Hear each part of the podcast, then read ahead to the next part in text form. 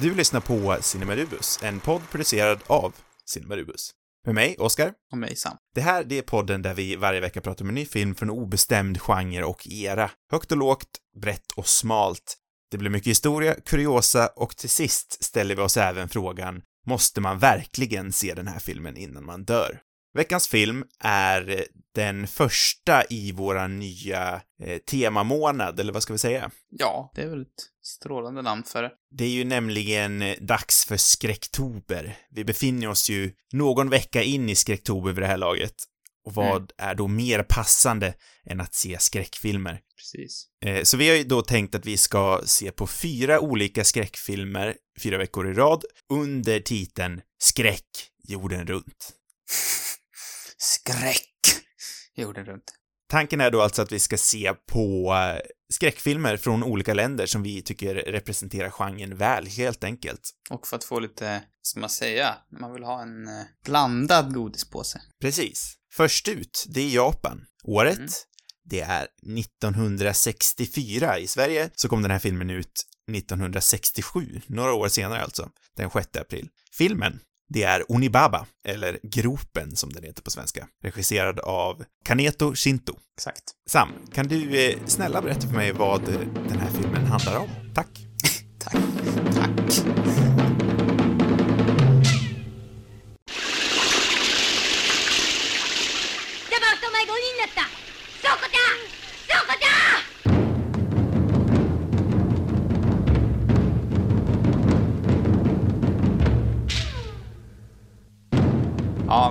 Men den utspelar sig i 1400-talets Japan och ett brinnande inbördeskrig. Man får följa två kvinnor som lever i någon sorts, ja, ganska fruktansvärd tillvaro. Eller den här miljön är inget jag känner mig speciellt avundsjuk på. Det är liksom ett stort fält bara av gräs, som man, man ser ingenstans. Man bor i en liten hydda vid en flod. Eh, och för att kunna överleva de här två kvinnorna som är, dessutom man kanske man ska också säga är, den yngre kvinnan är svärdotter till den äldre kvinnan och deras, ja, den gemensamma, mannen, eller vad ska man säga, sonen till svärmodern och eh, eh, Den Ja. gemensamma nämnaren. Ja, exakt. Och den yngre kvinnans man är ute i krig.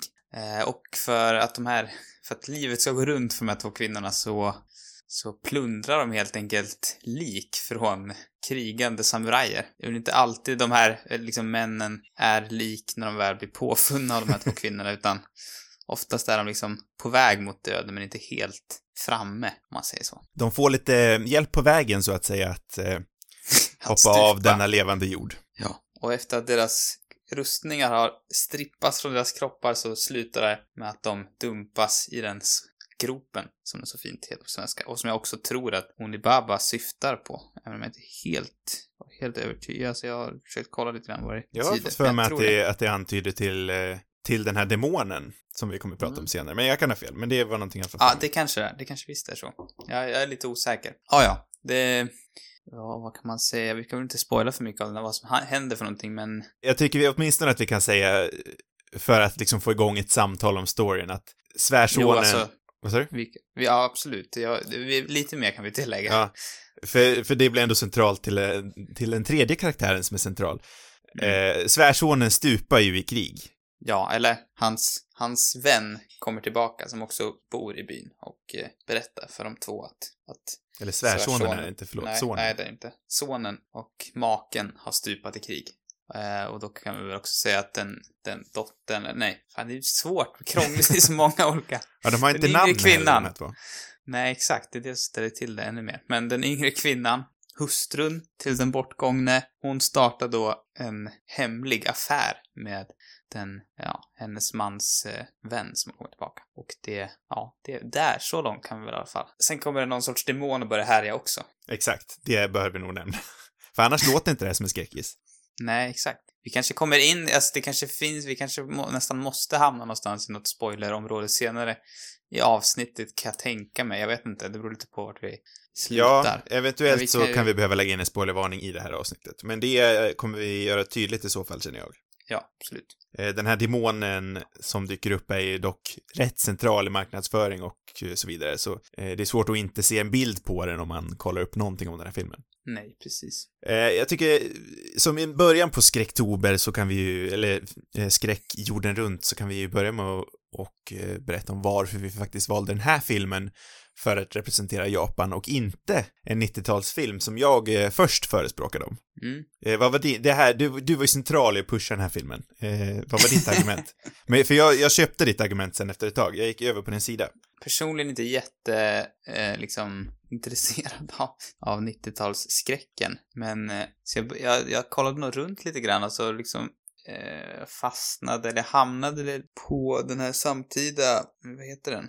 Kvinna i sanden, tror jag det finns en japansk samtida film som heter, som bygger på en bok av Kobo Abe, en känd japansk författare. Den filmen är ju liksom i samma tidsanda. Det är nog inte en skräckfilm egentligen, utan mer kanske någon sorts drama-thriller. Men den har samma liksom teman, den här filmen, just eh, det sexuella och liksom, och även, ja, lite mer den här ta tabuämnen som var väldigt aktuella, eh, japansk film under den här tiden. Och då kom jag in på de här mer skräckfilmerna också som, som gjordes då. Det var väl min, min väg in eller var så jag hamnade där i alla fall. Mitt argument först var ju att vi, när jag tänker Japan och skräck så är ju 90-talets J-horror det första som kommer till tanken. Mm.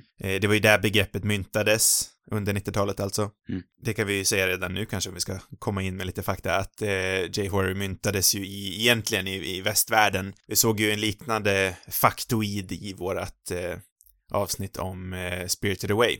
Mm. hur den asiatiska filmen eh, marknadsförs i väst. Den här gången var det av det brittiska eh, distributionsföretaget Tartan, tror jag det uttalas, antar jag.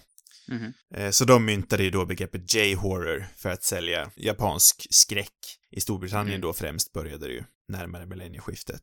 Och där ingick väl då säkert Ringu, som är den kanske kändaste i den. Jo, men det skulle jag väl tro. Och även Audition som jag var väldigt sugen på att se. Mm. Men sen anledningen till varför jag faktiskt kom över på din sida, för jag tänkte faktiskt bråka lite med dig först.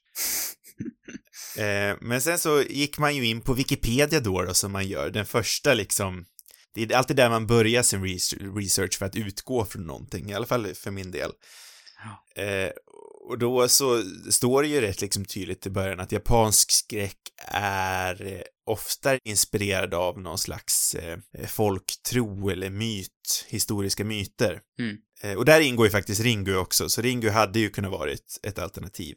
Just det. Men eh, den här filmen känns ju mer, handlingen till eh, Onibaba känns ju mer centralt till just det och det var väl liksom den huvudsakliga övertygaren, eller vad jag ska säga till mig. Men sen är det också intressant att se eh, liksom starten till någonting, för den här filmen, Gropen eller Onibaba, anses ju, lite delade meningar här har jag läst, men den anses åtminstone av många vara den första eh, japanska skräckfilmen. Det kanske är den som, den första större, eller som nådde någon sorts västlig fram. Jag vet inte hur, sig hur stor den var i väst, men åtminstone som har nått väst. Det är ju också en sån här grej man kan argumentera om om det ens är en skräckfilm det här. Mm. Eh, Men det kan vi komma in på lite senare. Eh, I alla fall den andra filmen som jag har läst som skulle kunna tolkas som den första eh, är filmen Ugetsu, Ugetsu, från Mm. 1953, så den kom ju ut rätt långt innan det här. Vad är det som gör att den inte skulle vara den första då? Den verkar klassas mer som en, ett drama, tror jag. Det känns som det där alltid, hur man definierar med olika genrer, vilket jag ibland kan tycka är ganska tröttsamt Mm. att sätta saker i fack. Men nu är ju genren lite centralt här, så jag tycker vi kan gå in på det. Ja, men det är ju ganska, det känns som att det ändras ganska mycket med åren också vad som, vad, vad man ser på som skräck. Jag tror, Mm. eller den här filmen var ju väldigt kontroversiell, eller kontroversiell, men det tror jag nog ändå att man kan säga. Den var åtminstone, ja, för den tidens människor så sågs den nog som ganska kontroversiell. Om man jämför mot dagens skräck, nej, då är det inte så mycket att komma med, men för den tidens människor kan den nog ändå klassas som det, tänker jag. Fast den är ju lite obehaglig, måste jag ändå säga, när den där demonen först dyker upp. Ja, alltså jag tycker ju sån här, jag tycker ju tycka att film, och då, fast då är det oftast ännu äldre filmer, men jag tycker att det kan finnas något riktigt obehagligt bara till äh, så här gammalt. Bland annat när vi såg på Körkarlen för ganska länge sedan nu så. Det är i och för sig också en skräckfilm delvis, men, men det är någonting extra obehagligt med att man inte riktigt, jag vet inte, man kan inte, det är inte lika alltså när man ser modern film så är det mer, eller nyare film så kan man på något sätt då ta mer på att det är en film, eller det är någonting, Mm, mm. det här ålderdomliga eller det där gamla som också blir obehagligt. Plus att jag är mer, jag är också mer svag för det här lite, det här som är mer creepy än Mm. sånt som är mer liksom våldsamt i, i bild eller ja, mer grafiskt. Jag tycker det här, jag, jag gillar ju mer den här typen av skräck också. Ja, för den tar ju väldigt lång tid den här filmen innan man ens liksom tänker på att det skulle kunna vara en skräckfilm. Mm, Eh, för det mesta så skulle jag ändå kalla det här för någon slags eh, klaustrofobisk erotisk thriller nästan. ja, Den väldigt specifika subgenren erotisk klaustrofobisk thriller. Jo men det är väl, det är också där tycker jag mycket styrkan ligger, att det är någonting mycket mer än, än bara någon, en skräckfilm. Som du säger då, just de temana var ju också väldigt nya på den tiden. Och det är väl kanske därför eh, som den, den, men att den klassas till, som, de, som den kallas, den japanska nya vågen som kom där på 60-talet. Ja, för det är ju väldigt mycket sex. Det är väldigt mycket våld. Mm. Eh, någonting eh, som jag ändå kan tänka mig var rätt kontroversiellt 1964. Ja, ja verkligen. Jag tror inte, jag vet inte hur, hur det var i Sverige, men jag vet att i, i England till exempel så var det en ganska grovt klipp när den väl kom ut. Ja, man såg ju den här vågen liksom, eh, det började ju släppas lite på, det bör, gränserna började ju tänjas på 60-talet angående Mm. sexualitet åtminstone, eh, Mm. kan man säga. Det gjorde ju i Sverige, det gjorde ju liksom Summer of Love, 69, det är, man hör ju bara på namnet. Mm. Eh, så det är ju inte så konstigt heller att det börjar tänjas här, men det är ändå någonting nytt. Så man fattar att det var kontroversiellt.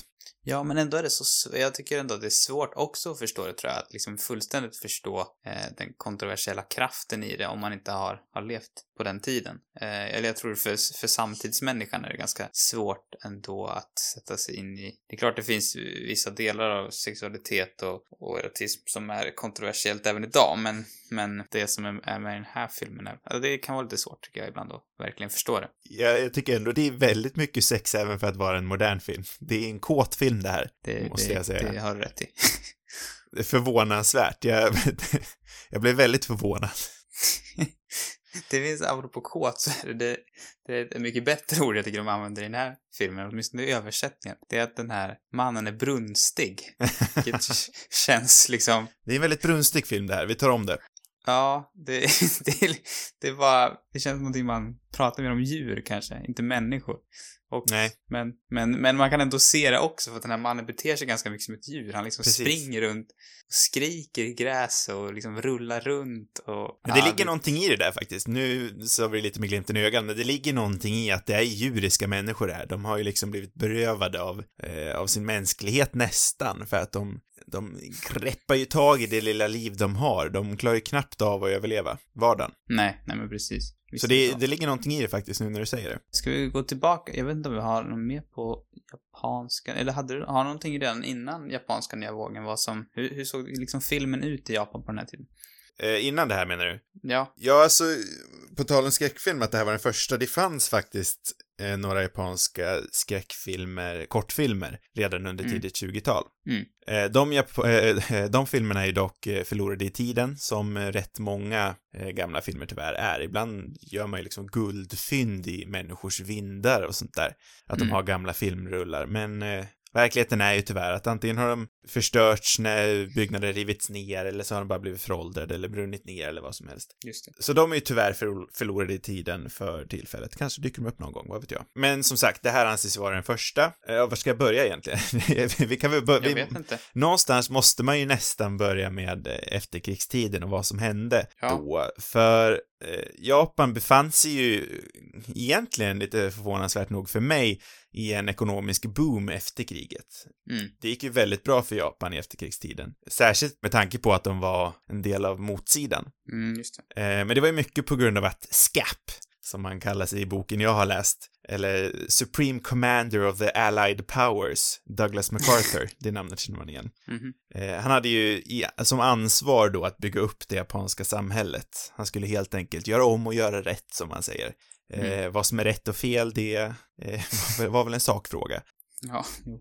Och särskilt efter den kinesiska revolutionen som ägde, runt, eh, som ägde rum runt eh, 1949 eh, så ökade kommunismen dessutom i Västasien. Mm. Det gillar ju inte USA. Så då Nej, tog ju Amerika liksom direkt plats i Japan för att eh, hålla koll på, på vad som händer helt enkelt. Så de tog ju stort intresse i Japan, särskilt då den japanska filmindustrin intressant nog. Mm. Men de brände ju därmed också ner väldigt många filmer som de inte ansågs vara korrekta då. Ah, just det. Så då försvann ju många filmer som gjordes under krigstiden. Mm. Så här kan jag också fundera på om kanske försvann det några 20-tal skräckfilmer redan här, som ansågs, ansågs vara liksom för, eh, för emot det som USA stod för. Det vet jag inte. Säkert. Det är bara en, en gissning från mig då. Under tiden USA då befann sig i, i Japan så var ju såna här Jedi Geki-filmer som de heter, eller historiska filmer kan man ju säga också för att ta det lite lättare. Det var ju såna här filmer som inte tilläts av SCAP eller Douglas MacArthur. Mm. Eh, Men eh, när USA då lämnade Japan 1952 så började de här filmerna dyka upp lite mer igen. Eh, Och de här filmerna vart ju då också en otroligt populär export. Mm. Även fast de inte var sådär superpopulära inhemskt, eller vad vi ska kalla det för. Utan där var det mer så här eh, Gendai Geki, som var mer kontemporära filmer, eller eh, Shumin Geki, eh, filmer som handlar mer om det vanliga livet. Där ser man ju till exempel eh, Uzus Tokyo Story, en eh, välkänd film. Eh, De var mycket mer omtyckta inhemskt, men eh, internationellt så var ju Jedi Geki-filmer, historiska filmer, eh, väldigt populära. Och där antar jag att eh, veckans film Onibaba ingår. Ja, det kanske den gör. För det var ju som du sa, den eh, fattade ju glöd även internationellt den här filmen. Mm. Och det är ju intressant liksom att se dåtids, eh, dåtidsmiljön här. Ja, Eh, men det var exakt. ju där någonstans det började. Sen så kom ju nya vågen in i början av 60-talet. Ja, kanske till och med slutet av 50-talet tror jag. Det känns som att den här filmen kanske är någon sorts eh, kombo av den tidigare japanska filmen och den, den nya vågen eftersom den, som- du säger, den utspelar sig i, i 1400-talets Japan under inbördeskrig. Men den har även de här liksom mer tabubelagda ämnena som är något av det liksom, typiska för den japanska nya vågen. Ja, för jag tror inte att SCAP hade låtit den här filmen gå igenom. Nej, det tror inte jag heller.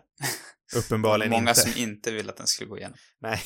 Säkert många i Japan också, kan jag tänka mig. Ja. Den japanska nya vågen var ju också, man kopplar den väl oftast ihop på något vis med den franska nya vågen som var samtida. Och i vissa fall kanske felaktigt ser den som, eh, inte vet jag, att den skulle ha inspirerats av den franska, vilket nog inte riktigt var fallet. Så även om det fanns många liksom, liknande ämnen eh, i båda länderna och eh, de experimenterade också med hur man klippte filmerna och ja, en mer experimentell stil, så var det ju ändå fortfarande under samma tidsperiod som den japanska nya vågen pågick. Eh, så det är kanske lite att underminera Japan att säga att den, den skulle ha inspirerats eh, av Frankrike. En annan skillnad som också liksom, eller som skiljer mellan den franska och den japanska nya vågen var att de, de franska regissörerna var, jobbade ju liksom utanför eh, studiosystemet, eller vad man ska säga, och eh, bestod till stor del av, av filmkritiker och, och, så, och så vidare Mm som började göra filmer. Medan i Japan så, så jobbade, eller den här rörelsen skapades faktiskt inom studiosarna. Även om de senare bröt sig fria och skapade egna studios. Men, men det är väl en stor, eller annan stor skillnad också mellan hur, hur filmindustrierna skilde sig. Ja, och det märks ju inte riktigt tycker jag. För om- om man tänker liksom traditionell amerikansk studiofilm, det är ju någonstans det man är mest van vid, så är det ju. Mm. Där är ju den, ja men studiofilmen är ju väldigt eh, könsstympad. Den, den har inte så mycket ballar. Nej, just det. Eh, det har ju den här, tycker jag. Ja, ja, verkligen. Men den är också, jag kan tycka att den har ju ett annat sorts produktionsvärde kanske än, än vad vissa samtida franska filmer har. Eller de som är från nya vågen. De känns ju ofta mer hemmasnickrade, eller vad man ska säga. Den här känns ju inte som att den har en annan typ av budget. Den har ganska, eh, som fotot i den här filmen är ju, eh, jag vet inte, mer nä- nära någon sorts amerikansk westernfilm eller liknande. Ja, det är fruktansvärt fint foto, tycker jag. Ja, det så kallas ju så snyggt också för Toho Scope, det här väldigt Mm. vida formatet, som säkert var ganska speciellt eh, vid den här tiden. Jag älskar liksom hur eh, Shindo liksom tar sin tid att inte bara liksom filma den centrala handlingen, utan han tar sin tid att liksom bygga upp stämning på det här eh, Suzuki-gräset som det heter, det här gräsfältet. Mm. Eh, det är liksom konstant blåsande i bakgrunden och det är ju filmat på plats det här också, det märks. Ja, ja men det är verkligen den här miljön spelar en otroligt viktig roll i, spänningsbyggandet, den här ja, men konstanta känslan av obehag på något vis, Mm. att man inte riktigt vet vad som pågår. Jag menar, det skulle vara, jag skulle vara fruktansvärt att bo på något sånt här ställe. Ja, för det man är så läskigt ingenting. också. Nej, exakt, för det kan stå någon liksom exakt bakom gräset, men man ser inte. Så är inte Nej. fallet med en vägg. Om det här skulle vara ett vanligt kammarspel, liksom, där man står i, när man är, man är instängd i ett rum, Mm. där kan det inte stå någon liksom i väggen. Nej. Här kan det Nej, stå precis. någon i väggen och det är i ett fruktansvärt obehag. Ja, och sen är det dessutom lerigt och det är en jävla grop liksom, som Mm. är den centrala, någon sorts centralpunkt för hela filmen. Nej, men och man är ju också konstant medveten om att den här Hachi, eh, den här människan som kommer in och eh, blir betuttad i, i svärdottern, Mm.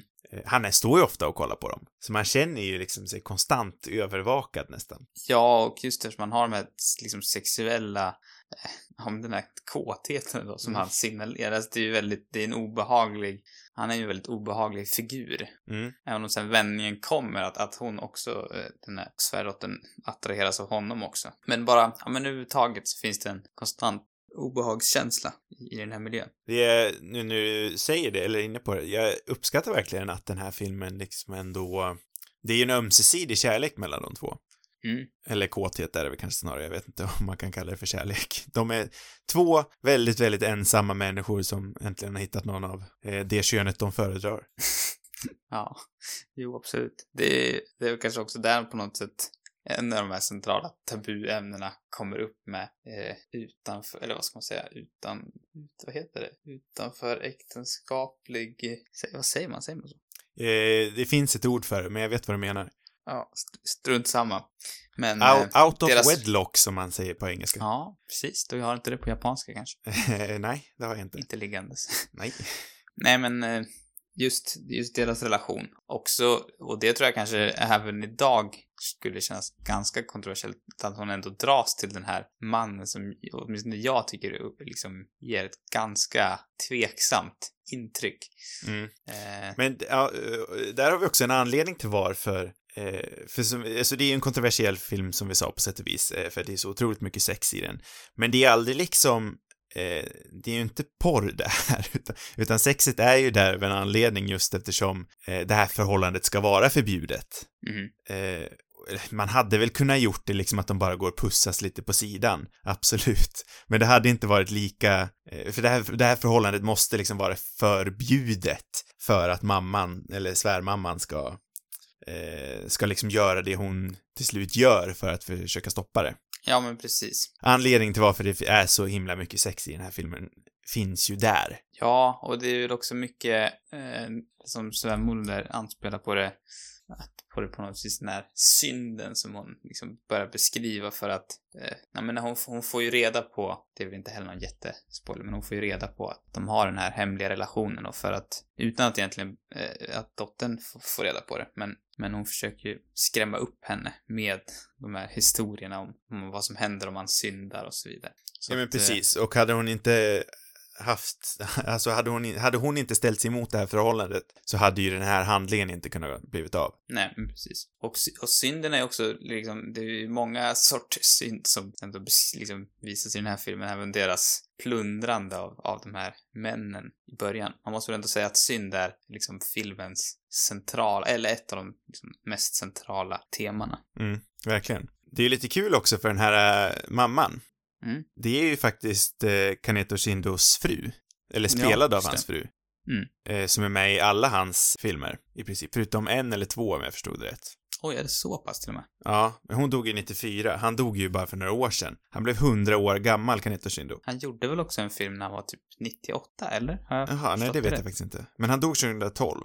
Ja. Det, jag skulle inte bli jätteförvånad om det var som du säger. Jag tror att han, ja, han regisserade en film 2010. Så det kan inte stämma att hon har varit med. Om hon dog 94 så han har gjort ändå typ en, två, tre, fyra, fem, sex filmer sedan 94. Okej, Eh, ja, det kanske var daterad sista- fakta då. Men hon var med i, i otroligt många av hans filmer i alla fall. Ja, Eh, Men det är också lite roligt för den här mamman, hon är ju, hon ser ju rätt jättegammal ut i filmen, men egentligen så var ju hon bara eh, 39 år gammal, Noboku Ottawa, när hon spelade in den här filmen. mm, det är lite... I sig, hon ser väl kanske, när man tänker på det ser hon inte jättegammal ut, men hon har ett liksom ganska... Eh, det är, och det känns nästan passande för tiden, att det på något sätt, hon ser ut som en plågad själ som har Precis. gått igenom mycket vid ganska ung ålder. Jag tänker mig att det är lite, tänker att 39-åringar på 1400-talet Där måste jag rätta dig. Det är faktiskt 1300-talet.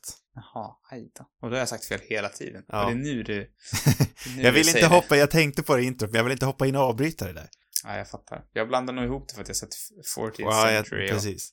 Okej. Eh, nej, Ja, men, men- 39 år gammal eh, och, eh, på 1300-talet var ju nog ändå rätt gammalt. Ja, då var man rätt gammal. Eh, för det, det har vi inte heller nämnt någonting om, eh, om vi ska fortsätta på Trivia-tåget. Eh, den utspelar sig ju under Nobokucho, Nobokucho eller Nobokucho-perioden på 1300-talet, då det faktiskt var ett inbördeskrig i Japan. Mm. Från 36 till 93, 1336 till 1393, söder mot norr. Mm. Där eh, söder faktiskt förlorar, men eh, det här eh, kriget verkar ju också haft liksom anspänningar ända fram till nutid nästan. Söder må ha förlorat officiellt, men eh, många ansåg att det var de som egentligen var de, de rätta vinnarna. Och det bråkar de tydligen, tydligen om ända in till 20, 1920-talet, tror jag. Ja, det är häftig tid ändå som den här filmen utspelar sig i. Ja, man gillar ju samurai. Man blev, jag blev lite sugen på att spela det här äh, Ghost of Tsushima-spelet ändå.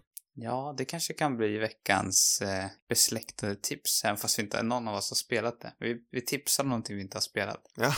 Men jag tänker om man sätter på så här svart, black and white-läget på det spelet som jag har sett att man kan göra. Kurosawa-läget tror jag det heter. Ja, precis. Då kan man ju, kan man ju smyga runt i det här, vad var det du kallade gräset för någonting? Suzuki-gräs heter det. Mhm, exakt. Nej, det det låter som en bra besläktad rekommendation. Eh, min besläktade rekommendation den här veckan, om vi fortsätter på det tåget, Mm.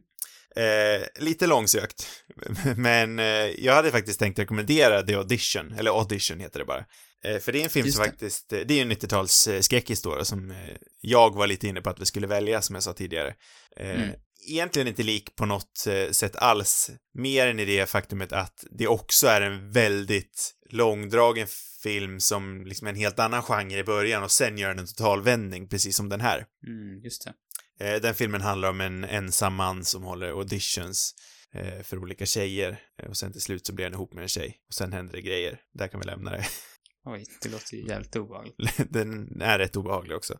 Eh, Det var länge sedan jag såg den dock. Mm. Eh, Men det är min besläktade rekommendation. Mm, Eh, spännande. Där skulle jag också vilja hoppa in, om vi bara ska hoppa från programpunkt till programpunkt, Mm, så skulle jag... absolut. Vad kallar vi den här programpunkten som vi inte har gjort än? Blinkningen kallar vi den för.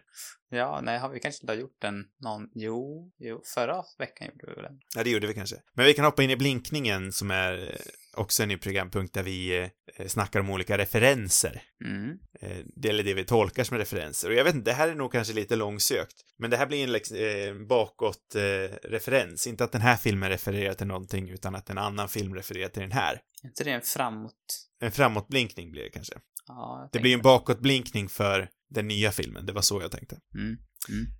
Men jag tänker ju lite på Memories of Murder när vi ser på den här. Ah, Jag tänker på risfälten i den filmen och eh, hur obehagliga de är, för där har vi också den här faktorn, liksom, man vet inte riktigt vad som gömmer sig där i. För det är inte, nej. det är exakt samma sak. Risfältet är, i den filmen är inte en vägg, utan det kan stå någon i där. Och den här obehagliga känslan, jag undrar om inte Bong Joon-Ho har kollat på den här och inspirerats. Det kan man ju absolut tänka sig. Den... Kanske en långsökt blinkning, men det var den jag eh, snappade upp. Ja, nej, men jag tycker inte alls att den känns... Det är ju faktiskt en, en väldigt... eh, Jag tycker den är en ganska bra blinkning. Sen om den stämmer är svårt att veta, men... Men eh, den, det finns ju definitivt en tydlig liknelse där med, med just hur man, de använder sig av den miljön för att skapa obehag. Eh, han är också intressant, Kaneto Shindo, för vi pratade lite om det här med nya vågen och att, eh, och den tidsåldern liksom, det 60-talet. Eh, Mm. och Shindo, han är ju en sån här, eh, det har ju en japan, ett japanskt namn, han är en hibakushu, en hibakushu. Mhm. Vad och det är ju såna här människor som påverkades av, eh, påverkades drastiskt av bomben. Aha. För vi var ju inne lite på, eh, på andra världskriget där och hur Japan påverkades av det. Eh, och man förstår ju liksom att folket som var där när bomben eh, gick ner i marken, såklart att de blev otroligt påverkade av det. Mm. Eh, och det, det folket, eller vad man ska säga, har ju då en titel, Hiba, Hibakushu. På vilket sätt påverkades han? Liksom, Ja, han har ju- Psykiskt eller fysiskt? Nej, alla hans filmer, eller många av hans filmer, eh, var ju väldigt inspirerade av, eller inspirerade, men de eh, kritiserade ju det som hände. Han har ju sagt också, har jag läst någonstans, att eh, den här filmen talar en del till det. Mm. Eh, och jag kan väl se den inspirationen till viss del, kanske. Det blir lite spoilerigt, men eh, ja, vad, en del visuella element som man ser närmare slutet eh, känns kanske lite som att det talar till efterverkan av en atombomb, om vi säger så. Vä- väldigt. Ja, vi behöver inte specificera, specificera vem, vad, vem som utsätts för det, men Nej men exakt. Men det, det finns en, någonting som händer närmare slutet som jag tycker talar lite till hur, ja, efterverkan av en bomb helt enkelt. ja. Sen vet jag inte om det var det han menade, men han har nämnt i alla fall att den här filmen talar lite till bomben. Filmen tar ju också väldigt mycket upp eh, liksom krig och vad, eller vad krig gör med människor och, och eh, ja, vad kanske var människor. Det i och för sig blir kanske mer ett, jag vet inte vem det blir en kritik, men, men man, jag menar vad, vad, vad krig gör med människor och vad, vad man, ja, hur långt man kan gå liksom för, Mm. för att överleva. Precis, och eh, liksom i den utsträckningen, om vi ska prata någonting, om vi ska göra en liknelse till ett annat väldigt eh, känt medieverk, så har vi ju Godzilla till exempel. Det måste ju, antar jag, ingå i den här Hibakushu-stämpeln. Mm. För det talar ju väldigt mycket till bomben med hjälp av metaforer. Alltså, Godzilla är ju bomben. Mm.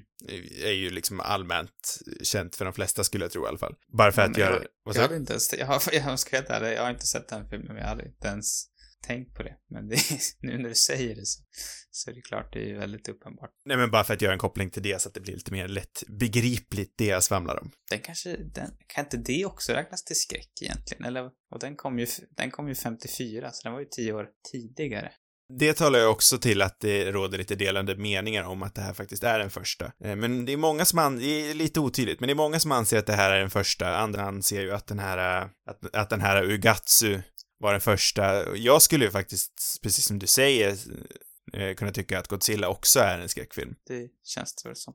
Det känns som att vi nästan kan avfärda det där med första. Det kanske är någon speciell typ av skräckfilm de syftar på med. Det är ju inte viktigt Nej, om det här är första eller inte. där kanske vi kan komma in egentligen på vad som inspirerade till filmen. Eller Mm. vad som inspirerade Shindo till, till, till den här handlingen. För att den bygger ju delvis på en, ja, en, en vad heter det, buddhistisk, eh, vad säger man, en buddhistisk liknelse. Ja, en Judo Shinsu, eller shin-buddhistisk Ja, liknelse. just det, just det. Precis. Eh, och, Har jag skrivit upp här i min- i mitt anteckningsblock? Ja, det lät lite snyggare. Ja. Vad var det du sa? Den, den shin-buddhistiska... Ja, Shin-buddhistisk heter det på engelska, på svenska heter det till en Judo Shinsu. Oj. Judo Shinsuiga. Vadå, så buddhist, eh, det är också med i, i det ordet? Eh, Jag tror Shin-buddhist är liksom en, en förenkling av det riktiga ordet. Aha. På svenska heter det Jod- Judo Shinsu i alla fall. Mm. Eller det är väl Japan, jag vet inte. Judo Shinsu, Shin-buddhistisk. Ja, ja, men det är, det är i alla fall någon sorts moralisk eh, liknelse som, som huvudhandlingen har inspirerats av, kan man väl säga. Som handlar om Mm. just när avundsjuka går för långt, eller vad man ska säga. Eh, på, på japanska heter den Jomi Odoshi no Oni no Men. Om det säger dig någonting. Ingenting alls, men att säga det på, på engelska eller svenska hade ju, det berättar ju liksom hela handlingen egentligen. Ja, Eller ja, hela precis. kontentan eh, avslöjar om jag kommer ihåg rätt. Ja, eh, det kan man väl lugnt säga. Men sen är, alltså det här är ju en moralberättelse. Det är ju en sån här klassisk liksom, Bröderna Grimm-aktig moralberättelse. Mm. På, på sätt och vis kan det kännas som att det är fritt fram att spoila en sån liksom klassisk eh, folk, folktros eh, Ja. sak. Jag vet inte riktigt hur vi ska förhålla oss till det, men vi, vi kan köra en spoilersektion senare. Ja, det kan vi väl göra. Men ja, vi, den handlar ju i alla fall om, om, om just avundsjuka och eh, jag tror han hörde den när han var liten i alla fall, regissören. Kommer jag ihåg rätt så var ju eh, såna här historiska berättelser, Mm. eh, såna här Jidaigeki historiska filmer var ju liksom inhemskt så sågs ju de mest som, som berättelser för barn.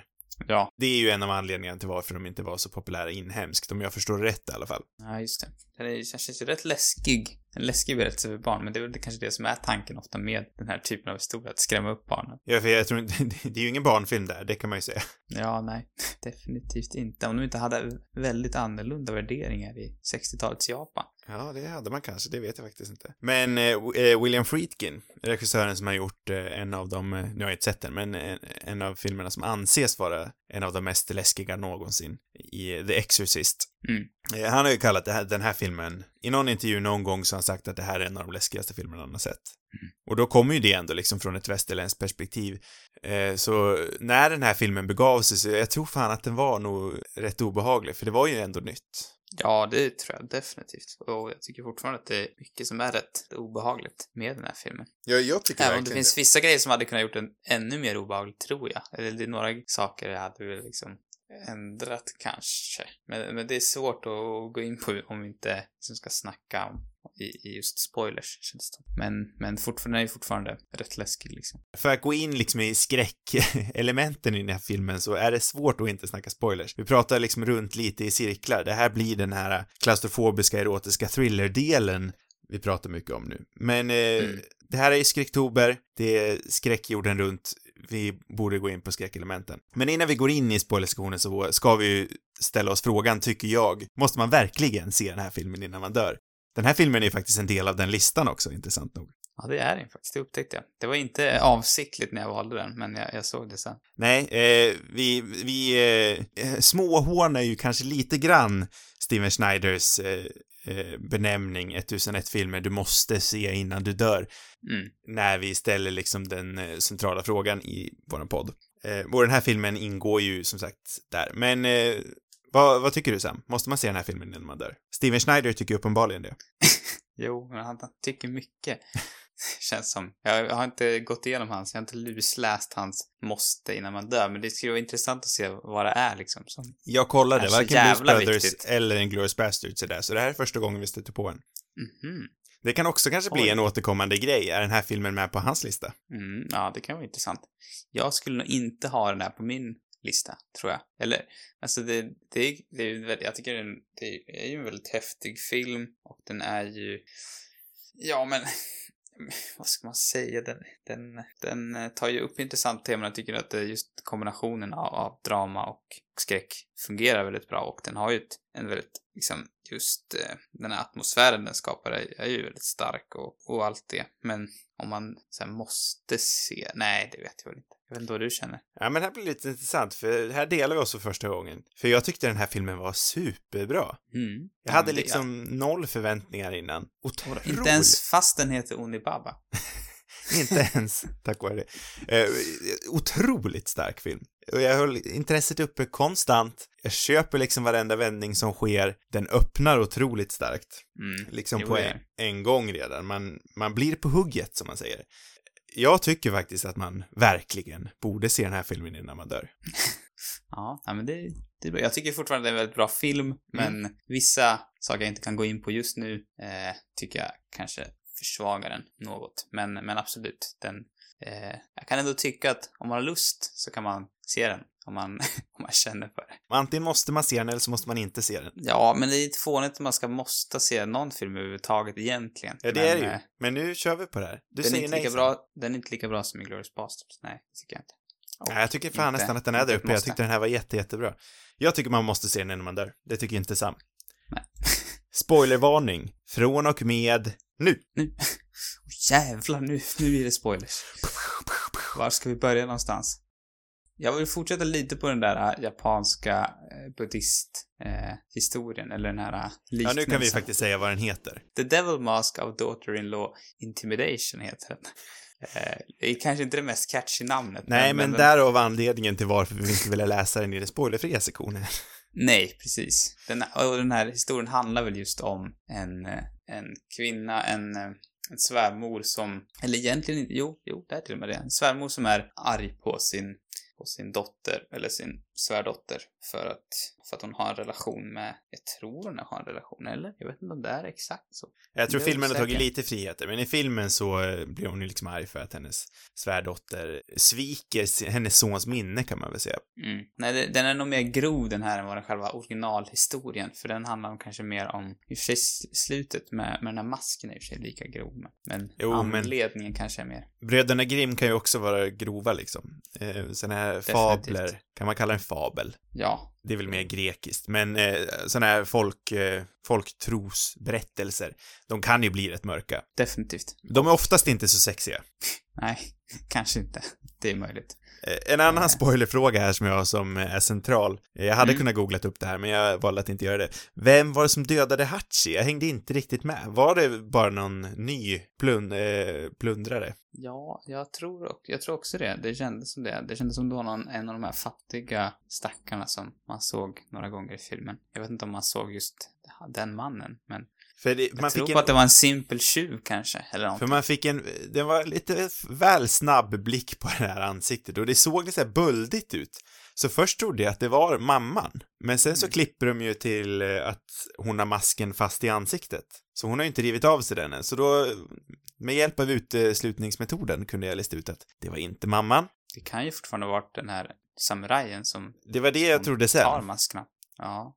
Ja, för den här masken är ju också central till den här fabeln eller liknelsen. För att, och nu kommer vi återkomma här till gammal klassisk japansk teater som vi gjorde i, i avsnittet, eh, heter den? Spirited Away. Eh, Spirited Away, precis. Jag vet inte vad det var för mask egentligen som, som, som, som No, vad heter han? Heter han No Face? No face heter den. No Face har. Det, det här är väl nog en annan, men den här masken föreställer i alla fall en, eller ska liksom representera en avundsjuk kvinnlig demon. Så att det här är också liksom ett användandet av en klassisk mask. Eh, sen varför just den här samurajen bär på den masken först vet jag inte. Men det är ju av honom som hon tar den i alla fall. Det verkar som att det, nu googlade jag upp det som ingen av oss hade svarat. Det verkar som att det var en plundrare som, som mördade. För jag trodde, jag var relativt säker på att det var den här samurajen som hade tagit sig upp i hålet igen, men det verkar som att det var en plundrare. Så samurajen förblev död där nere i hålet. Just det. För det kändes också konstigt att de inte visade sen vad som,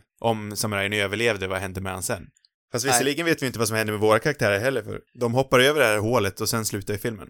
Snyggt slut tycker jag ändå, men vi vet ju inte vad som händer. Nej, det gör vi. Det är ett öppet slut. Det är väl i alla fall där som lite av min eh, kritik av filmen dyker upp. I slutet. Ja, eller för att den här kvinnan, hon stöter ju på den här samurajen en kväll och stjäl helt enkelt hans mask och utrustning för att sen kunna skrämma dottern på sina kvällsliga eller nattliga utflykter till, till Hachi. Ja, som sagt, om det är någon som eh, lyssnar utan att ha sett på den så dyker det upp en samuraj eh, med en otroligt obehaglig mask Ja, mitt i natten och eh, börjar samtala med den här mamman. precis. Eh, och när hon desperat har slitit den här masken från den döda samurajens kropp. Eh, Och det har hon också gjort för att han säger sig ha, han säger att han har det vackraste ansiktet som någon någonsin har skådat. Och det Mm. blir hon ju ofantligt nyfiken på. Hon lyckas i alla fall ta över den här masken och använder den sen då för att skrämma svärdottern. Och det är väl lite där att jag hade ju önskat att den här obehagliga figuren i mask skulle vara mer, att det skulle vara mer oklart. Absolut hade de kunnat indi- indikera att det var svärmodern som var den maskbeklädda, men jag tycker det blir lite för uppenbart att det faktiskt är hon som gömmer sig under masken och det hade varit mer, om, om den delen av, av, av, filmen hade varit lika tvetydig som slutet av filmen så hade jag varit mer nöjd. Ja, för jag, är- jag är faktiskt med dig på den fronten. Det har jag skrivit här också, att den tappar skrämselfaktor när man vet. Första, Ja, bra. precis. Och lite, och lite i och för sig så tror jag den här, alltså man, jag tror man är ganska lätt spoilad på den här filmen också för att det är så pass mycket som är liksom, som liksom presenteras och eh, jag vet inte, man känner ändå hyfsat till, eller åtminstone när man når dit att man har det liksom någorlunda klart för sig. Och det tycker jag är lite synd när, man- ändå säljer in den här filmen med, med den obehagliga masken. Mm. Sen finns det ju det här äh, straffet att, att masken inte går att ta av som ändå är jäkligt obehagligt och Mm. där kanske liksom filmen också pikar i, i, i obehag med Verkligen. ja, det här straffet som hon utsätts för just för att hon har försökt skrämma svärdottern kan man väl ändå säga. Och kanske också för alla andra smått otrevliga brott hon har ägnat sig åt. Ja, jag, jag är som sagt helt med dig på den, eh, på dina klagomål Mm. jag, jag, jag har ju som sagt också skrivit upp det och jag kan ju också känna att spänningsfaktorn försvinner väl kanske lite. Det är synd för att det hade kunnat varit liksom, hade räckt tycker jag att till exempel att som när den här, när hon får ner den här, puttar ner, får putta ner samurajen i I själva hålet. gropen. Mm. För att, ja, eller på så sätt hon dödar honom, lurar honom att, att ramla ner i den. Det hade varit liksom, det hade varit underbart om hon hade bara, du vet, hissat sig ner som man gör för att hämta masken, men man hade aldrig sett sen vad som hände för någonting. Nej, precis. Det är en bra poäng. Ska du göra en, Då, en remake. en Sam-cut? I min remake hade det hänt.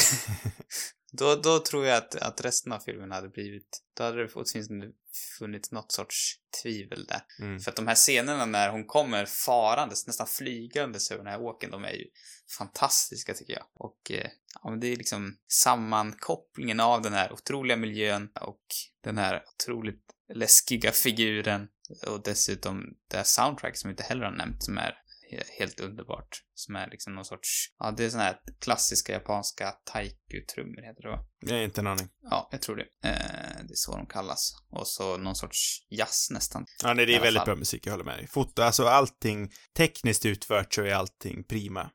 Den hade kunnat varit lite mer crisp dock, tycker jag. Men har inte det att göra på med, eh, med cineasten att Jo. göra? jo, det tror jag. Jag hade velat haft liksom Criterions Criterion 4K Blu-ray på den här.